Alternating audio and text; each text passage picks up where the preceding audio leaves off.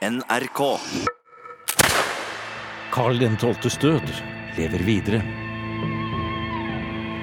Museum har laget fire podkaster som ikke sendes på vanlig måte, men som kun er tilgjengelig som podkast. Serien markerer at det i 2018 er 300 år siden den svenske kong Karl den 12. ble skutt og drept på Fredriksten festning i Halden senhøsten 1718. Her er tredje episode. Historien om den mystiske kulknappen fra de svenske legender.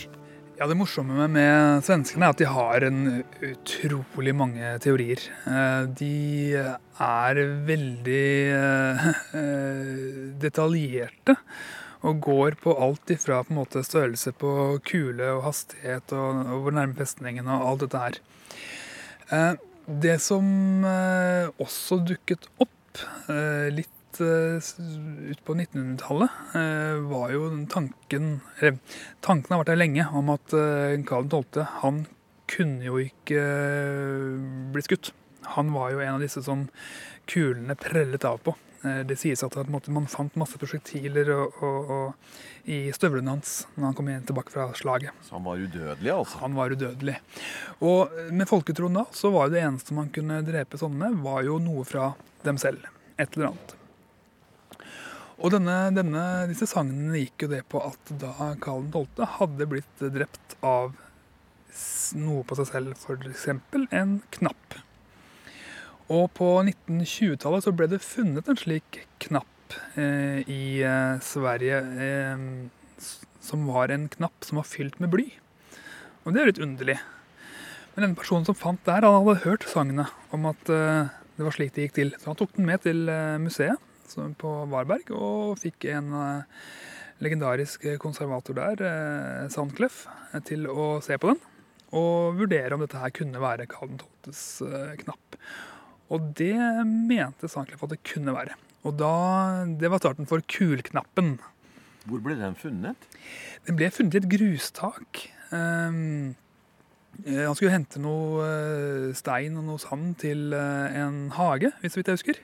Så den ble funnet rett og slett i en sånn grustak. Og sagnet gikk jo på at den personen som hadde, den soldaten som hadde tatt med seg kullnappen hjem, han hadde kastet den igjen i, en, i et grustak. Ja, Så den ble funnet i Sverige. Ja, ja, riktig. Ja, I Sverige, ja. ja, ja, ja.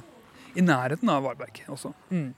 Og der har, I i det sagnet så har du navn på soldaten og, og masse ting, så det er veldig detaljerte sagn. Eh, og det vil nok sikkert eh, noen av de på museet i dag si at eh, her er det Det et er førsteantikvar Pablo Viking Faria ved museet som forteller kuleknapphistorien. Ja, det hela bygger ju på sägner som vi pratade om när det gäller Karl XII, hur stark han var och så. Så är det ju också sägner om vilka kulor som har använts. Och det finns alltså upptäckt att ett hundratal berättelser i olika delar av Sverige om att man har använt en silverkula, man har använt en knappkula och så vidare. Och några av de här berättelserna finns ifrån en ort som heter Öxnevalla. Som ligger strax nordost om Varberg, ett par mil nordost om Varberg. Och eh, där eh, var det ju som den här kulknappen hittades. Och det intressanta är ju då att den som hittade den kände till de här sägnerna. Alltså det var en levande sägner eh, i eh, hans medvetande. Eh, och han har berättat då vad han har hört, vilken sägen han bygger på. Och den är ju då att, att det var en soldat från Öxnevalla som var med eh, framme i eh, skyttegravarna i, vid Fredrikstens fästning. Såg när Karl XII blev skjuten och tog upp den här knappen. Det är alltså kulan som sköt honom. Och stoppade den i fickan och tog den med hem till Öxnevalla. Och sen så blev det ju ganska snabbt det här som vi sa att eh, ehm, man började misstänka att det var ett mord. Och någon blev landsförvisad och så. Prästen sa då till den här soldaten att nej, det är bäst du slänger bort den här kulan. Och så gick de tillsammans till Derragård som ligger då sydost om kyrkan i Öxnevalla. Och där, enligt den här berättelsen, så slängde de bort kulan. Och det var där denne mannen eh, leita da, mange, mange år senere. Det gjorde, han letade inte utan det var helt enkelt så att det blev ett grustag där sen. Ehm, och ehm, det här grustaget mm, det är ju från 1900-talet och det fanns ju inte på 1700-talet. Utan det var en, alltså smeden i Horred, som i närheten där, som eh, tog grus till sin trädgårdsgång. Och då är vi på 1920-talet. Och eh, han slår ut ett lass grus där. Och då glimmar den här kulan till, den som vi har tittat på. Och eh, då tar han upp den och direkt så säger han, men inte det här kulan som sköt Karl XII? För att han, han har den här berättelsen i huvudet. Han vet att det ska vara en knapp. Vi ser att det är ju ett litet fäste för en sån ögla där på den här. Och vi, han visste att det var vid Derragård och det här är alltså Derragårds grustag då. Så att det är en intressant koppling då. Ehm, sen kommer ju den här kulknappen så småningom, det dröjer ganska lång tid, så lämnas den in till museet här i Varberg då. Och eh, då är ju Albert Sanklev chef här. Da snakker vi på 1920-tallet, eller? Den hittas på 1920-talet, jag tror det var 1924. Och sen är det först 1932 som smeden eh, kommer in till museet och visar upp den då. Och Albert Sanklev blir intresserad eh, men han gör inte så mycket åt den utan han har mycket annat. utan smeden har den kvar och eh, först 1939 så tar Sanklev tag i detta. Och det är först 1940 som kulan kommer in till museet eh, och blir utställd och så.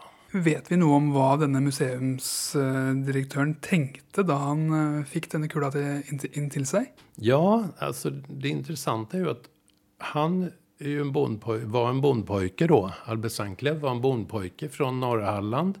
Ganska nära, bara någon mil ifrån där det här är hittat. Eh, och han hade själv som barn hört den här berättelsen. Inte exakt samma variant, utan eh, en liten annan. Men det var en soldat från Öxnevalla som hittade den här kulan.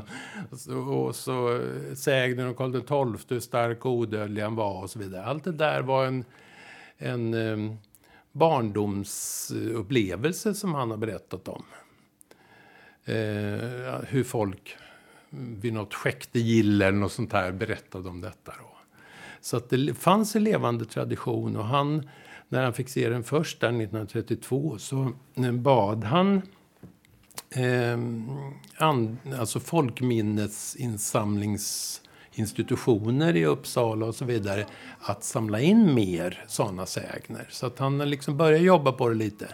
Men det är först 1939 som han tar tag i det och så skriver han en bok då som kommer ut 1940. Nu har vi den. Och eh, ja, du ser, så ser den ut i original i sin säkerhetsmonter. Och ja, den ser lite anfrätt ut. Det är ju, är ju alltså en mässingsknapp. Man ser ju fästet för knappen längst upp där. Och den är fylld med bly. Den var liksom litt større enn jeg så for meg, egentlig. Ja, den är ju... Diametern är ju mellan 19 och 20 millimeter. Och eh, ja, det har en viss betydelse som vi ska tänka på sen. Den står jo inni et monter her, eh, kanskje 30 ganger 30 centimeter. Eh, og den har en liten sånn eh, spot, spotlight på Ja. en pute den sitter på. Det här är en säkerhetsmonter så att den är ju okrossbart glas och ja, själva säkerhetsmontern kostar 50 000. Så att det, och det har vi ju till andra saker också här givetvis. Men den, den ligger säkert där. Hvordan reagerer folk som ser den for første gang nå, som kommer inn her i museet? Nästan alla är väldigt intresserade. Sen tycker inte alla att detta är sant. Men det, vi säger inte heller att detta är den enda sanningen. Utan vi säger att det är en möjlig sanning. Det är tillräckligt spännande. Er det noen spesiell type mennesker som syns det her er sånn ekstra spennende? Ja, bara för en kvart sedan så hade vi en barnfamilj som gick förbi här och tyckte det var jättespännande. Ja, det är all, alla människor. Og over kula her så er det et stort maleri. Og hvem er det av? Ja, det är ju Karl XII själv. Eh, och det är ju en originalmålning från eh, tiden då när han levde i början på 1700-talet. Og det er jo sånn at eh, eh, denne kula som ligger her, skal da ha gått gjennom hodet på den mannen som vi ser foran oss. Ja, det är ju en tanke. Och det är ju så att, att redan när han blev skjuten så misstänkte man ju att det var ett mord. Alltså redan ja, i, i stort sett nästa dag så att säga så började det talas om var det ett mord eller var det inte ett mord. Och eh, de ryktena har ju funnits i då flera hundra år sedan dess. 300 år är det ju numera. Och eh, de har ju blivit sen vad man kan kalla sägner, alltså berättelser eh, som man en del tror är sanna och en del tror är sagor så att säga. Va? Och det är de vi bygger på. Kan du si litt først om hvorfor det er en knapp som er brukt som kule? Ja, nej, det är ju en, en, en kärna i detta. Ehm, det är ju så att om... Alltså Karl XII var ju inte populär. Han ledde ju ut Sverige i en massa krig. Och eh, det var ju så att, att eh, alla soldater, alla vanliga människor som fick hålla på med kriget var emot det hela och tyckte det var hemskt och mängder med människor dog. Det var enormt stora skatter och så. Men även de andra samhällsklasserna eh, blev lidande av detta. Även alltså adelsmännen, borgarna i städerna, prästerna. Till slut tyckte de det var för mycket. Så att han hade mängder med fiender. Plus de som tänkte efterträda honom som kung. Som inte var säkert vem skulle det bli. Var också hans fiender. Så att det fanns ju mängder med möjligheter till någon att vilja skjuta honom. Dette var tredje episode i podkastserien fra museum om Karl 12.s død på Fredriksten festning. Denne serien er i fire episoder og sendes ikke i museums vanlige sendetid, men er kun tilgjengelig som podkast. Vil du kontakte oss, er e-postadressen museum.krøllalfa.nrk.no.